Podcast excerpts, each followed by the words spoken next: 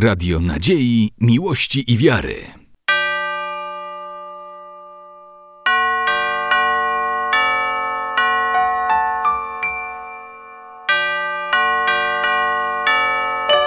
Radio Ortodoksja. Szanowni Państwo, pozwolę sobie Państwa bardzo serdecznie powitać. Dzień dobry. Chrystus Woskresie. Boiście wejście na woskresie? Dzisiejsze nasze spotkanie zostało zorganizowane w ramach obchodów stulecia niepodległości Polski.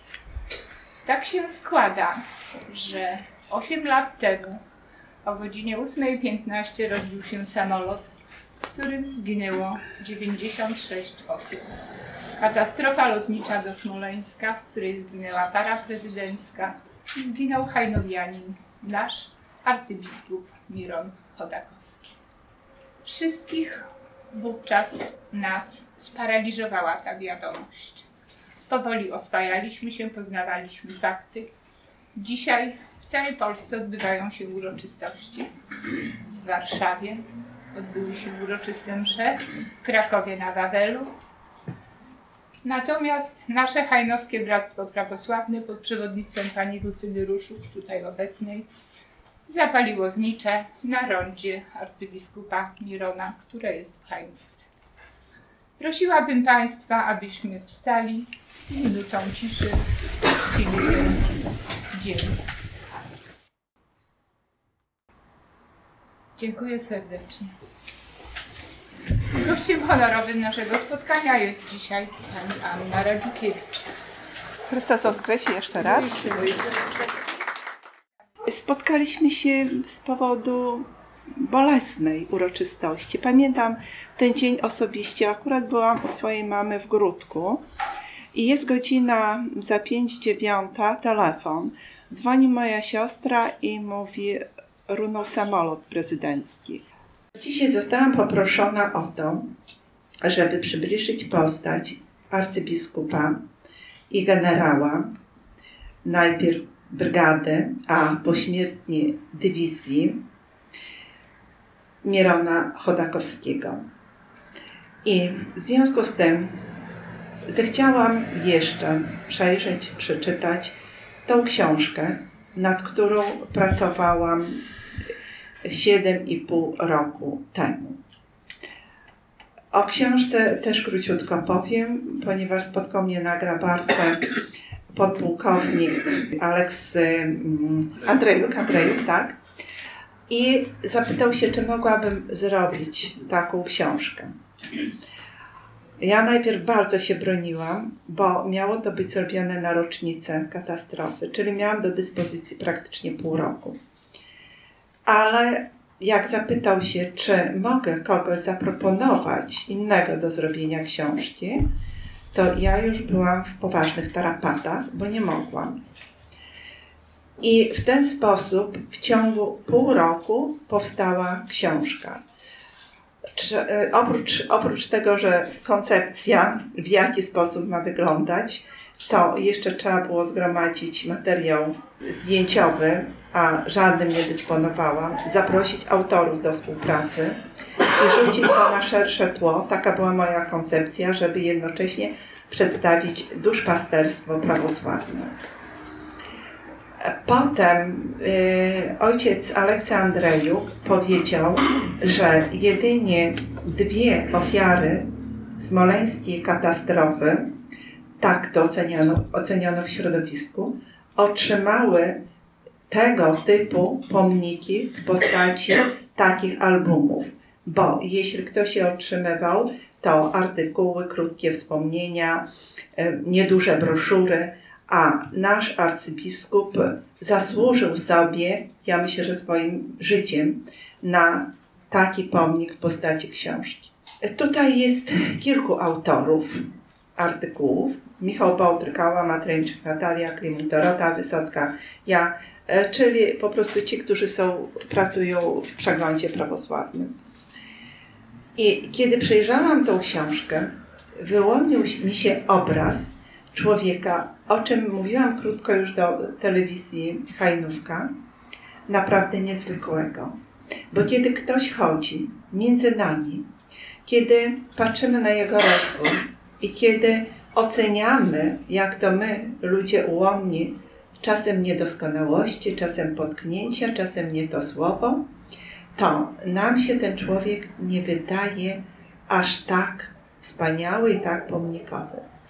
Ale wystarczy w przypadku arcybiskupa Mirona prześledzić jego życiorys. Wszystko robił tak, jakby powiedzmy 80-90 lat przeciętnego życia chciał zmieścić w 52 latach, 5 miesiącach i 14 dniach, bo tyle żył. Więc żył bardzo intensywnie i bardzo pracowicie.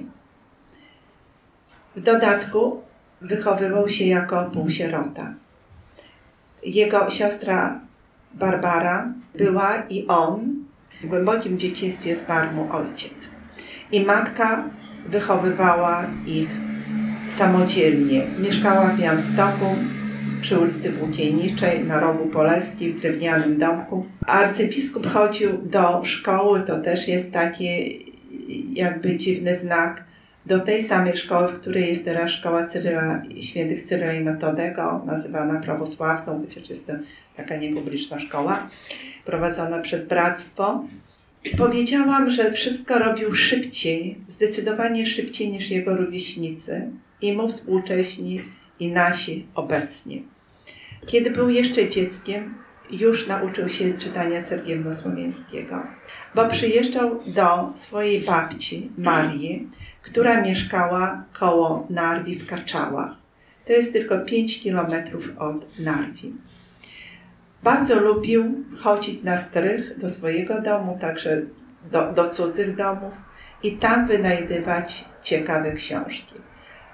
A te ciekawe to przeważnie były modlitewniki, psałterze, czy pisane cyrylicą. I babcia, kiedy się zorientowała, że wnuk nie umie po cerkiewnosłowiańsku, a ona biegle czytała, zaczęła go uczyć.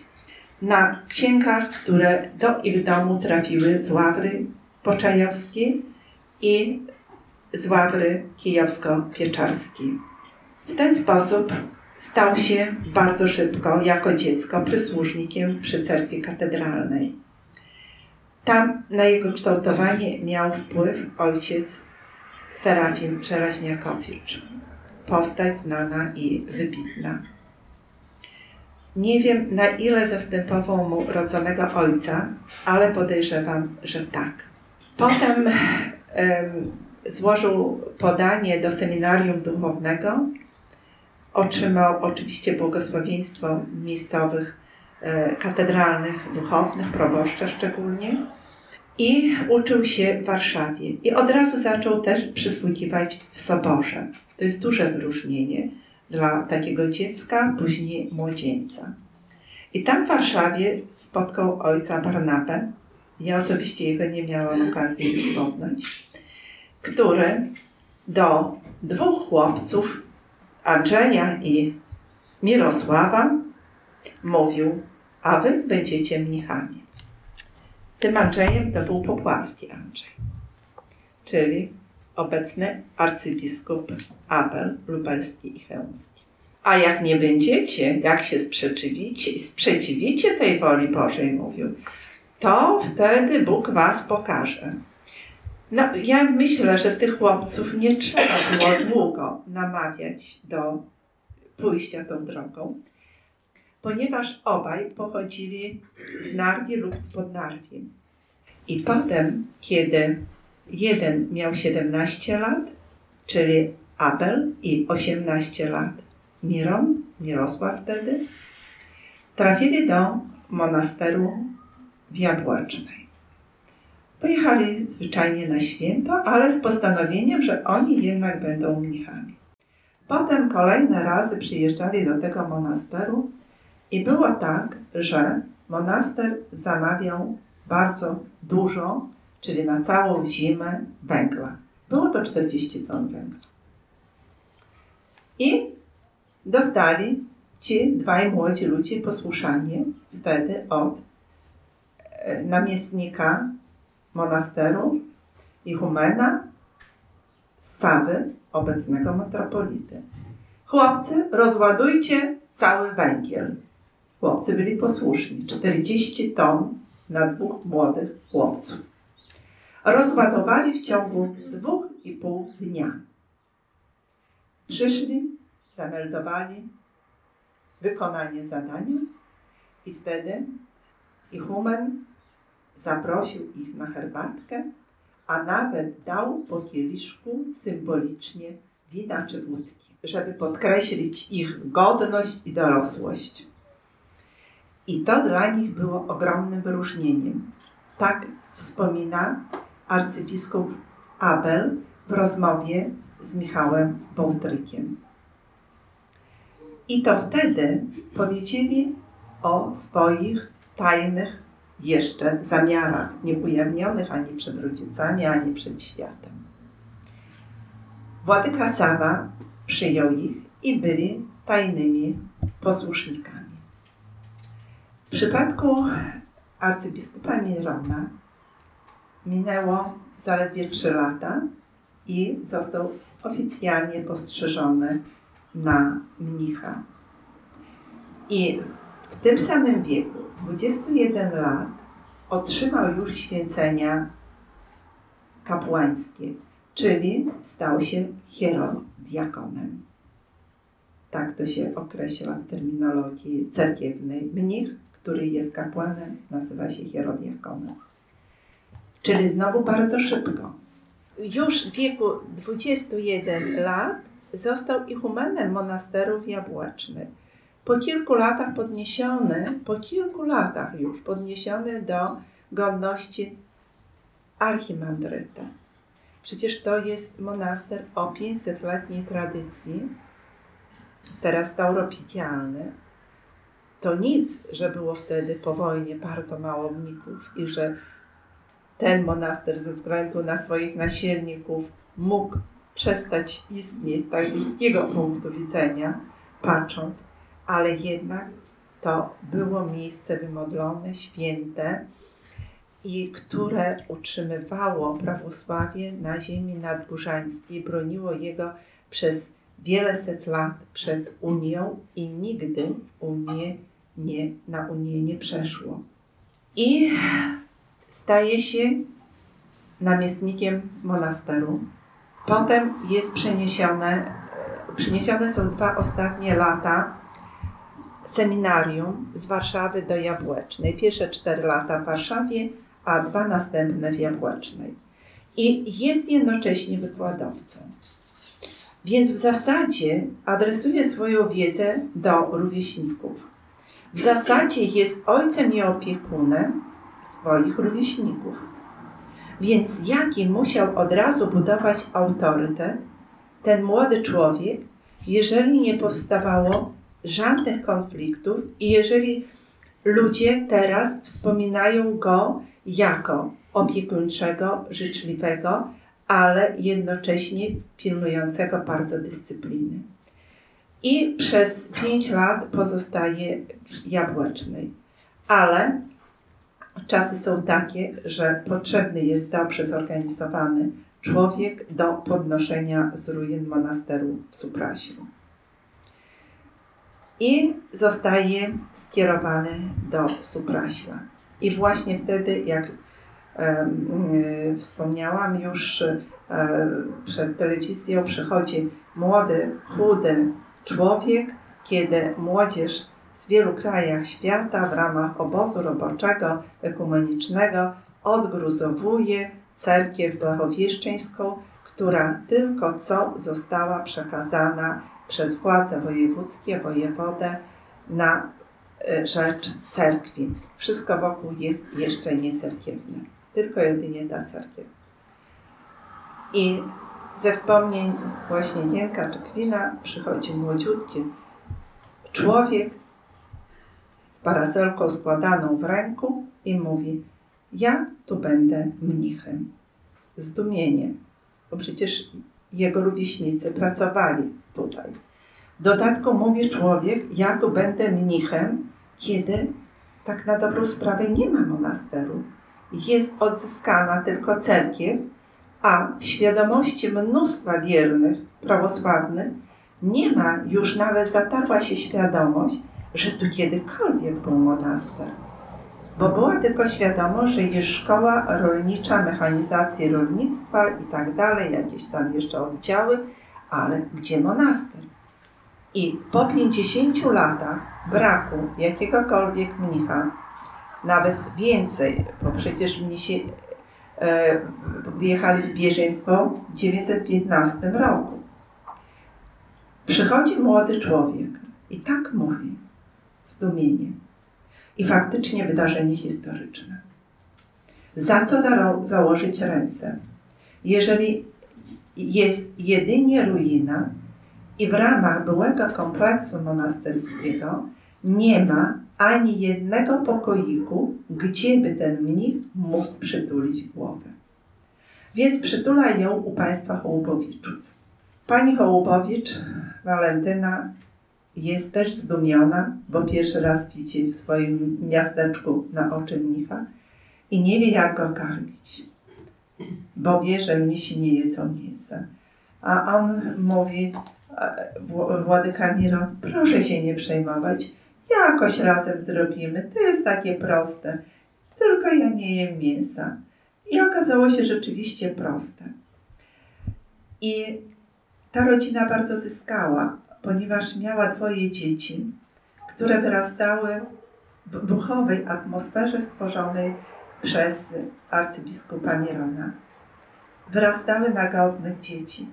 I pani Hołubowicz wspomina po latach, jak moje serce radowało się, jak do cerkwi szedł w padrasniku mnich, a za nim dreptał mój synek w podbiegach, bo był już tam przysłusznikiem. I Władyka Miron później udzielał ślubu dla jej dzieci. I ona mówi, że ta obecność była przede wszystkim dla nich nagrodą, a nie gestem jej wobec kilkuletniego utrzymywania Władyki Mirona. Potem uzyskano adres 3 maja 5 bodajże, czyli drewniany domek przy uliczce prowadzącej do rynku supraskiego. Ten adres wielu z nas pamięta, bo pod tym adresem mieszkał arcybiskup Miron, ale zaraz pojawił się ojciec Gabriel Giba. To było też duże wydarzenie dla parafian supraskich, kiedy Władka Miron powiedział, a przyjdzie do nas młody człowiek, który chce być posłusznikiem. Niedaleko, z okolic. Wtedy przecież mnichów mieliśmy jak na lekarstwo w całej polskiej cerkwi. On był z Wierzchlesia, skończył szkołę gastronomiczną, ale okazało się, że e, Władyka Miron lepiej gotował niż e, ojciec Gabriel. I my już ten adres pamiętamy, ponieważ tam była też i mała cerkiewka, kaplica, w której można było razem z mnichami się modlić, a do ojca Gabriela jeździć po porady zielarskie. Ale pod ten adres zaczęli przyjeżdżać młodzi wtedy chłopcy. Był to obecny arcybiskup białostocki gdański Jakub, arcybiskup wielski Grzegorz i młodziutki zupełnie wtedy obecnie arcybiskup Szczeci, wrocławski i szczeciński Jerzy. I oni traktowali archimandrytę Mirona jako swojego przywódcę du- duchowego i ojca.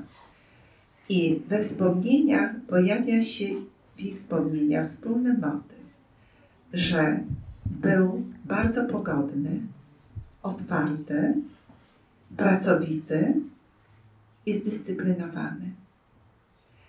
I kiedy oni budzili się na, godzin, na godzinę 6.20 na codzienną liturgię, widać było, że archimadryta wstał już dużo wcześniej i pozałatwiał mnóstwo spraw. A musiał załatwiać, ponieważ był nie tylko ichumenem, ale i proboszczem parafii dość rozległej, supraskiej, bo z okolicznymi wsiami. I był budowniczym. To ze wspomnień obecnie doktora Adama Musiuka, pracuje na Wydziale Budownictwa Politechniki Białostockiej. Wcześniej zaczął spotykać się jako jeszcze student z arcybiskupem Mieronem i był zdumiony jako student budownictwa tak fachową wiedzą budowlaną ze strony arcybiskupa. Uczył się nawet od niego, ale uczył się i budownictwa, i duchowych spraw. A ponieważ był chłopcem, który lubił zadawać mnóstwo pytań, to mało jakie duchowne wytrzymywał ten napór, e, e, napór pytań, a arcybiskup Mir- Miron wytrzymywał. I po liturgii pytał się, Adam, masz do mnie pytania? To zapraszam na 3 maja. I bywało, że siedzieli nawet po 3-5 godzin. I to od Władyki Mirona Adam Musiuk nauczył się biegle czytać cerkiewno, po cerkiewnosłowiańsku. Ze wspomnień Adama Musiuka wynika też, że bardzo lubił porządek wszędzie wokół siebie, ale to też z innych wspomnień wynika. I że był bardzo punktualny i wgłębiał się w każdą dziedzinę na tyle, na ile mógł. Sumując okres supraski, trzeba powiedzieć, że to były bardzo trudne czasy. Wielu z nas, wielu nie wierzyło we wskrzeszenie monasteru supraskiego, w odbudowę cerkwi, w jej rekonstrukcję. Przecież to jest naprawdę monumentalne, monumentalna świątynia. Ja miałam okazję parę razy być wprowadzona przez obecnego biskupa supraskiego, raz pod kopułę cerkwi, kiedy były rusztowania, żeby sfotografować w kopule Pantokratora Chrystusa. I wspinałam się po takich śliskich prawie że drabinach i jak spojrzałam w dół, to czułam się jak nad przepaścią, bo jak idzie się do, patrzy się do góry, to nie wygląda ta cerkiew tak potężna. I dwa razy zostałam wprowadzona w przestrzenie, których zwykły wierny nie ogląda. Tam jest bodajże pięć poziomów, bo widzimy tą kopułę, ale ona jeszcze jest obudowana różnymi przestrzeniami. Tam pełno jest schodów, uskoków, zakamarków albo wielkich płaszczyzn, na których można urządzić dodatkowo cerkiew i gdzie mają zamiar mnisi jeszcze urządzić jedną cerkiewkę.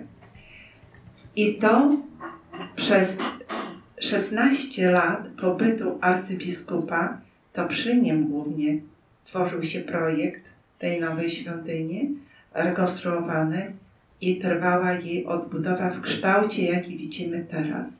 Bo potem to już przyszło wykańczanie, to już nie było odpowiedzialności za sprawy konstrukcyjne, za wytrzymałość, za jakość materiałów, a przy arcybiskupie było.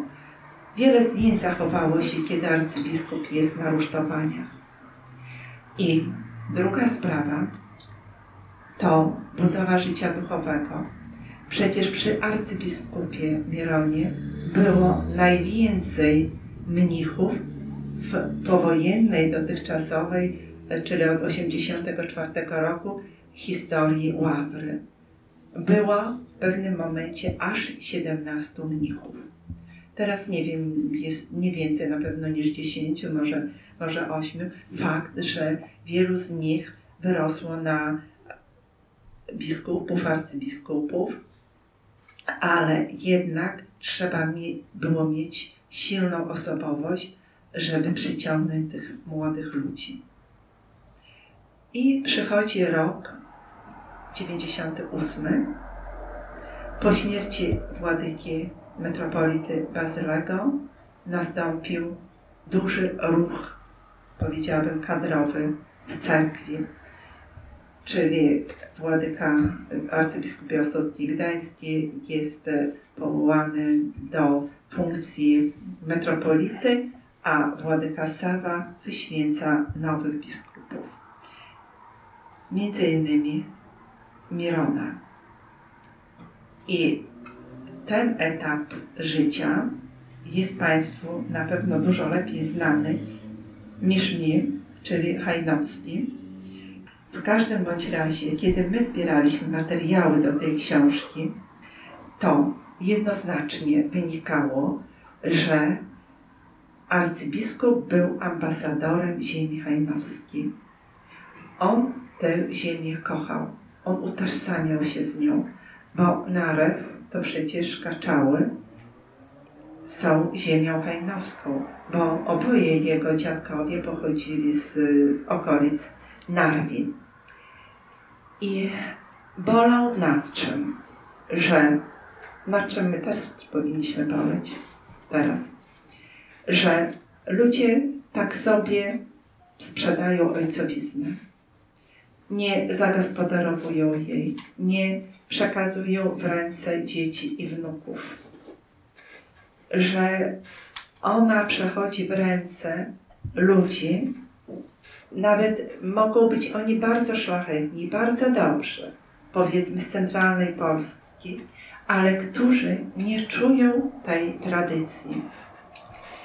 Oni nie mogą poczuć też i głębi wiary. I w tym sensie arcybiskup bolał, bo on budował naprawdę mosty między ludźmi różnymi, różnego wyznania, ale jednocześnie wiedział, że gwarantem specyfiki kultury tej ziemi są ludzie miejscowi i ich następcy. Ale nie tylko dbał o kwestie duchowe. Był zapamiętany przez wiernych jako świetny propowiednik, świetny kaznodzieja. Dobrze przygotowany. On także dbał o gospodarczy rozwój tej ziemi. Ze wspomnień starosty powiatowego, wtedy e, pana Włodzimierza Pietruczuka, e, pani wójt Olgi Rygorowicz, wynika, że mogli zadzwonić do arcybiskupa, niezależnie od tego, czy był w Hejnówce, czy w Warszawie, w każdym momencie. Poradzić się jego w trudnych sprawach i poprosić o wstawiennictwo ponieważ w Warszawie, będąc już ordynariuszem, e, prawosławnym ordynariuszem, miał bardzo rozbudowane kontakty nie tylko w sferach wojskowych, ale także w sferach rządowych. I że jego prośby i interwencje nieraz pomagały dla rozwoju Hajnówki. Poza tym, jak wspomniałam, był ambasadorem tej, tej ziemi, ponieważ organizował tu przy pomocy często e, właśnie władz e, lokalnych święta, e, centralne obchody świąt wojskowych jako ordynariusz prawosławny. Niektórzy ludzie patrzyli trochę z ukosa to, to o tym nie ma w książce, ale dochodziły do mnie takie słuchy. O proszę, organizuje jakieś przyjęcia, za czyje pieniądze, ale jemu chodziło o to, żeby przywieźć tutaj ważne, czasem najważniejsze osoby w państwie i pokazać, jaka ta jest ziemia piękna i że ona potrzebuje wsparcia. I samorządowcy mówią wyraźnie, że to wsparcie otrzymywali. Dalej, w ramach tej misji jako ordynariusza prawosławnego, e, ordynariat, e, przypomnę, był wskrzeszony tylko pięć lat wcześniej, przed jego e, przybyciem na to stanowisko i organizował go, oczywiście to były najtrudniejsze lata, arcybiskup metropolita Sawa, ale Władyka też miał dość trudne, moralnie trudne sytuacje. To przy nim Polska wchodzi do Unii Europejskiej i wchodzi do NATO. I proszę sobie wyobrazić sytuację, kiedy wojska natowskie bombardują Jugosławię. A on jest kapelanem w ramach tych wojsk. I zanotowano jego wypowiedź taką, chociaż się przecież narażał, tak mówiąc. Była to krucjata przeciw prawosławiu. Wyjazdy do Iraku, Afganistanu, Czadu to przecież nie były wycieczki. To były wyjazdy do ziemi objętej wojną, do żołnierzy, którzy codziennie drżeli o swoje życie. To były spotkania z matkami, które wyprawiały swoje dzieci, jak kiedyś e, rosyjskie, białoruskie, ukraińskie i inne matki do Afganistanu ze strachem, że wrócą w trumnach.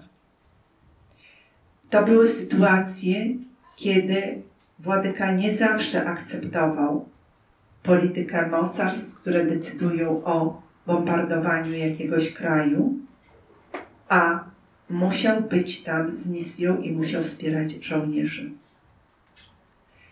Zabiegał też o budowę cerkwi, która byłaby cerkwią ordynariatu w Warszawie. Pamiętamy tą długą historię na Banacha, ja, ileż musiał przeżyć protestów mieszkańców, że, że, że ruska cerkiew, że dzwony będą przeszkadzać. A on ciągle żywił nadzieję, że, że cerkiew się wybuduje, ale nie powstała. Powstała inna parafialna, Hagia Sofia przy ulicy Płaskiego. Przecież też musiał być w to wszystko zaangażowany. Przeżywał też i tragedie, które prawie były dla niego osobiste. Przecież pamiętamy dokładnie, jak ojciec Lew, Lewczuk zginął w katastrofie i została matuszka Monika. Przecież i matuszka Monika i dzieci były mu bliskie, tak jak wszystkie dzieci duchownych były mu bliskie. I matuszka Monika powiedziała, że największe wsparcie otrzymała od arcybiskupa Mirona. I nawet kiedy już nie mieszkała e, w domu parafialnym, zadzwonił, dzwonił w czasie świąt, czy Paschy, czy, czy Bożego Narodzenia i e, Narodzenia Chrystusa, to jest poprawne wyrażenie. I mówił, jesteś nasza, przychodź do nas na wspólne śniadanie, czy na wspólną wigilię. On po prostu pamiętał o tych dzieciach, pamiętał o swoich dzieciach chrzestnych, jak u Makalów, ochrzcił dwóch synów, Jarosława Makala, diakona i Grzegorza i Piotra. Pamiętał o młodzieży, organizował z nią spotkanie. Pamiętał o ludziach starszych, o ludziach, którzy nie mogą samodzielnie żyć. Jak niektórzy dziwią się i słusznie, jak dla jemu wystarczało na wszystko czasu. Jeszcze dodam też, że napisał doktorat 500-lecie historii monasteru Supra Siły Obrony. Jak wystarczało czasu. Ale ci ludzie odpowiadają, był doskonale zorganizowany, bo mu o dziwo wystarczało też czasu na pielęgnację przyjaźni. I tutaj na ziemi hajnowskiej znamy ludzi, którzy byli z nim zaprzyjaźnieni. Jest to pan prezes Sergiusz Martyniuk, pan dyrektor e, Jan Miniuk, obaj archonci. W Warszawie miał dużo przyjaciół, chociażby Fidelkiewiczów. Fidelkiewicz był ambasadorem, radcą i tak dalej, zajmował ważne stanowiska. Spotykałam się właśnie z tymi ludźmi, pisząc, yy, przygotowując książkę i też wysłuchiwałam ich wspomnień. Albo polityk Kamiński, Michał, który po śmierci powiedział, cerkiew straciła arcybiskupa, wojsko straciło generała, a ja straciłem przyjaciela. I o poznał się w czasie lotu do Katynia, zaledwie trzy lata przed śmiercią arcybiskupa. A tak się z nim zaprzyjaźnił, tak otwierał przed nim swoją duszę, tak Władyka miał silny wpływ na Kamińskiego w sferze duchowej, że mógł powiedzieć, że straciłem swojego arcybiskupa. Wiele jest ciekawych wspomnień. Ciekawym wspomnieniem zamieszczonym w tej książce jest właśnie e, prezesa Pronaru, Sergiusza Martyniuka. Przyjechałam do niego z rana, wyznaczył spotkanie o godzinie siódmej, bo przecież to też jest człowiek bardzo pracowity. O godzinie szóstej robi już naradę, a o siódmej już może przyjmować interesantów. I opowiedział mi swój sen. Sen był w czasie Paschy, ostatniej Paschy arcybiskupa takim, a tego dnia, tej nocy nie poszedł na e, paschalną, ponieważ oboje z żoną tak zachorowali, że przyjmowali antybiotyki. A zawsze reagowali na zaproszenie arcybiskupa i przyjeżdżali do Hajnówki na paschalną, e, paschalne bogosłużenie nocne. I byli zachwyceni pięknem śpiewu i, i, i propowiedzią, i starannością e, całej, całej ceremonii. Tym razem nie przyjechali, śni się taki sen. Jedzie Władyka koniem, pustą furą, a za tą furą przyczepioną ma drugą. I gdzieś jedzie po Narwi. Więc e, pan prezes wsiada na ja, ja, jakiś tam motocykl typu motorowy i goni za nim. Goni, goni, nie może dogonić. I przed nim jest jakaś ogromna hala i arcybiskup wjeżdża z tym, z tym koniem do hali, a w hali jest mnóstwo powyginanych blach, jakichś starych spiral, takich metalowych odłamków, gwoździ, wapiaków, jak on to nazywa. I arcybiskup wjeżdża w to i ginie. I on nie może go znaleźć. I z samego rana dzwoni do Władyki i mówi sława Jezusu Chrystu. A Władyka mówi Chrystus woskresie. A on był tak przejęty tym snem, że nawet zapomniał o radości paschalnej. I pan Sergiusz opowiada sen. Władyka zlekceważył, no cóż miał zrobić. Ale to były przecież jego ostatnie dni ziemskiego życia. Z opowieści bliskich ludzi wiem, że bardzo nie chciał lecieć do Smoleńska. Ale przecież musiał. Musiał, bo on niósł za sobą odpowiedzialność nie tylko osobistą, czy on chce, czy nie chce. Taki pan Żelichowski mógł nie polecieć, ale władyka, prawosławny ordynariusz reprezentował wszystkich prawosławnych. To by oznaczało, że lekceważy jakiś kawałek, istotny kawałek i tragiczny historii Rzeczypospolitej.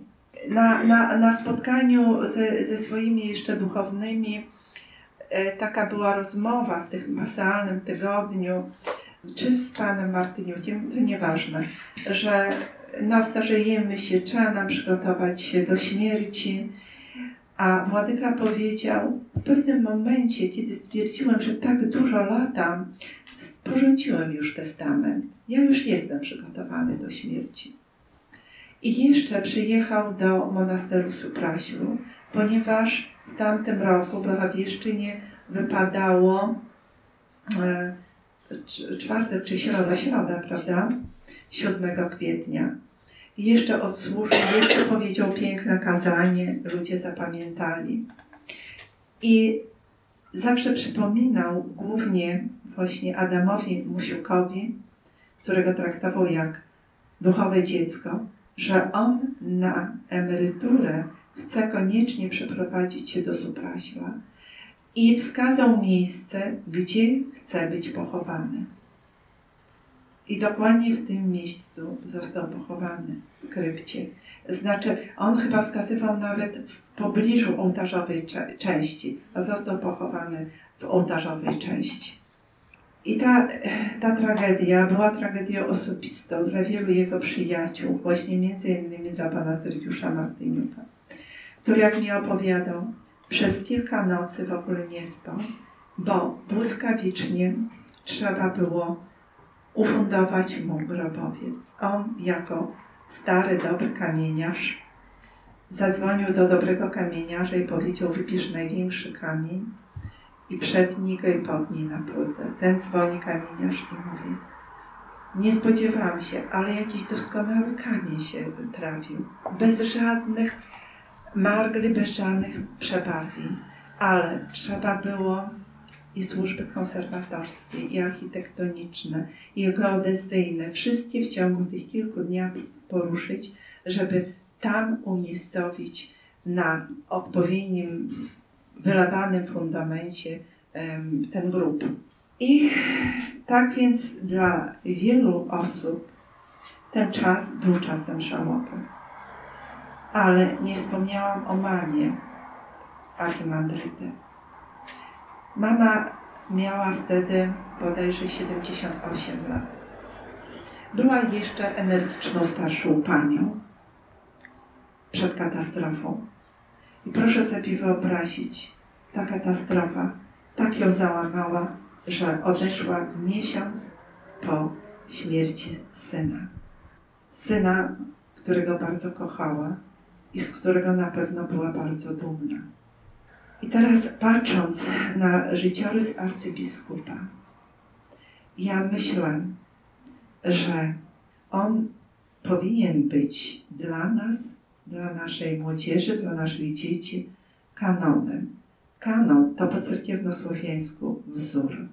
Wzór człowieka modlitwy, autentycznej modlitwy, który przez swoją autentyczność duchową miał wpływ nie tylko na prawosławie, ale także i na rzymskich katolików, tak jak na Kamińskiego czy redaktora Grzegorza Polaka, z którym rozmawiam, z którym koresponduję.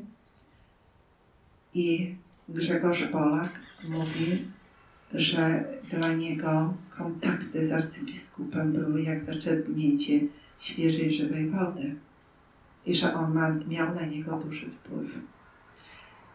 Powinniśmy go zapamiętać jako człowieka, który był ambasadorem prawosławia. Także, jak to w cerkiewnosłowiańskim mówimy, w innosławnym środowisku, który uczył, że prawosławie ma swoją i wartość, i piękno, i głęboką duchowość, którą, której nie skrywamy, a którą się dzielimy. Dla niego podróże samolotem, okazuje się, z ministrami, z generałami, były okazją, nie tylko stawały się okazją do rozmów politycznych, bo bieżącym życiem bardzo się interesował, ale także do rozważań duchowych. Nie w sensie bynajmniej nawracania, tylko w sensie jednania chrześcijan, w sensie dzielenia się tym bogactwem, którym sam dysponował od najmłodszych lat życia. Teraz pytanie do nas wszystkich. Na ile pielęgnujemy pamięć o arcybiskupie Mironie? Mamy rondo w Hajnówce, mamy rondo w Białymstoku, mamy ulicę arcybiskupa, mamy szkołę w Narwi, ale może arcybiskup powinien także wejść do naszej lokalnej wiedzy podręcznikowej. Tak się zastanawiam. Zastanawiam się jako redaktorka podręczników do nauki literatury białoruskiej. To już bardziej pytanie nawet do pana dyrektora, pana Igora. Może takie postacie też powinny zaistnieć podręcznikach. Wiadomo, wszyscy jesteśmy grzeszni i na pewno tak samo arcybiskup Miron mówił o sobie. Ale jeżeli tak przejrzałam te wszystkie wypowiedzi, te relacje, to naprawdę mi osobiście jawiła się ta postać jako nietuzinkowa, jako naprawdę wyrastająca ponad poziom oficjalnie akceptowany. Nigdy nie unosił się pychą. Nigdy nie był ponad nami. Ja pamiętam też sytuację na Grabarce, kiedy czy modliliśmy się, czy sprzedawaliśmy książki na swoim stoisku fundacyjnym Fundacji Ostrowskiego. Podchodził, przywitał się, my poprosiliśmy o błogosławieństwo i bardzo lubił być między ludźmi, między wiernymi. Na pewno wielu z nas go zapamiętało, jak chodził po tych dróżkach, po tych ścieżkach po Świętej Górze Grabarce. Nie stronił od ludzi. Przeważnie był w takim bordowym padrasniku, jak go pamiętam. I jego twarz była taka ciepła i we wspomnieniach też bardzo dużo ludzi wspomina go z tą ciepłą, przyjazną twarzą. Ja osobiście nie miałam okazji być blisko arcybiskupa. Inaczej, na przykład w przypadku e, w tej chwili biskupa Andrzeja Supraskiego, bo jesteśmy w dość stałych, dość bliskich kontaktach. No chociażby pisałam tą książkę o monasterze, więc też często chętnie recenzuję jego książki, chętnie przyjeżdżam na każde jego wezwanie. Każdy taki wyjazd to jednocześnie jest wypicie jakiejś małej monasterskiej kawy i porozmawianie. A ja jeszcze nie miałam okazji po prostu, ponieważ e, Władyka wyjechał do Warszawy dość szybko, a ja jeszcze byłam wtedy za, za mało dojrzała po prostu na takie kontakty. Więc trochę się rozminęliśmy, ale dopiero po śmierci, ze wspomnień, tak mi się wyrysował obraz Władyki jako człowieka godnego. Dziękuję. Dziękujemy Pani Anno. Radio Nadziei, Miłości i Wiary.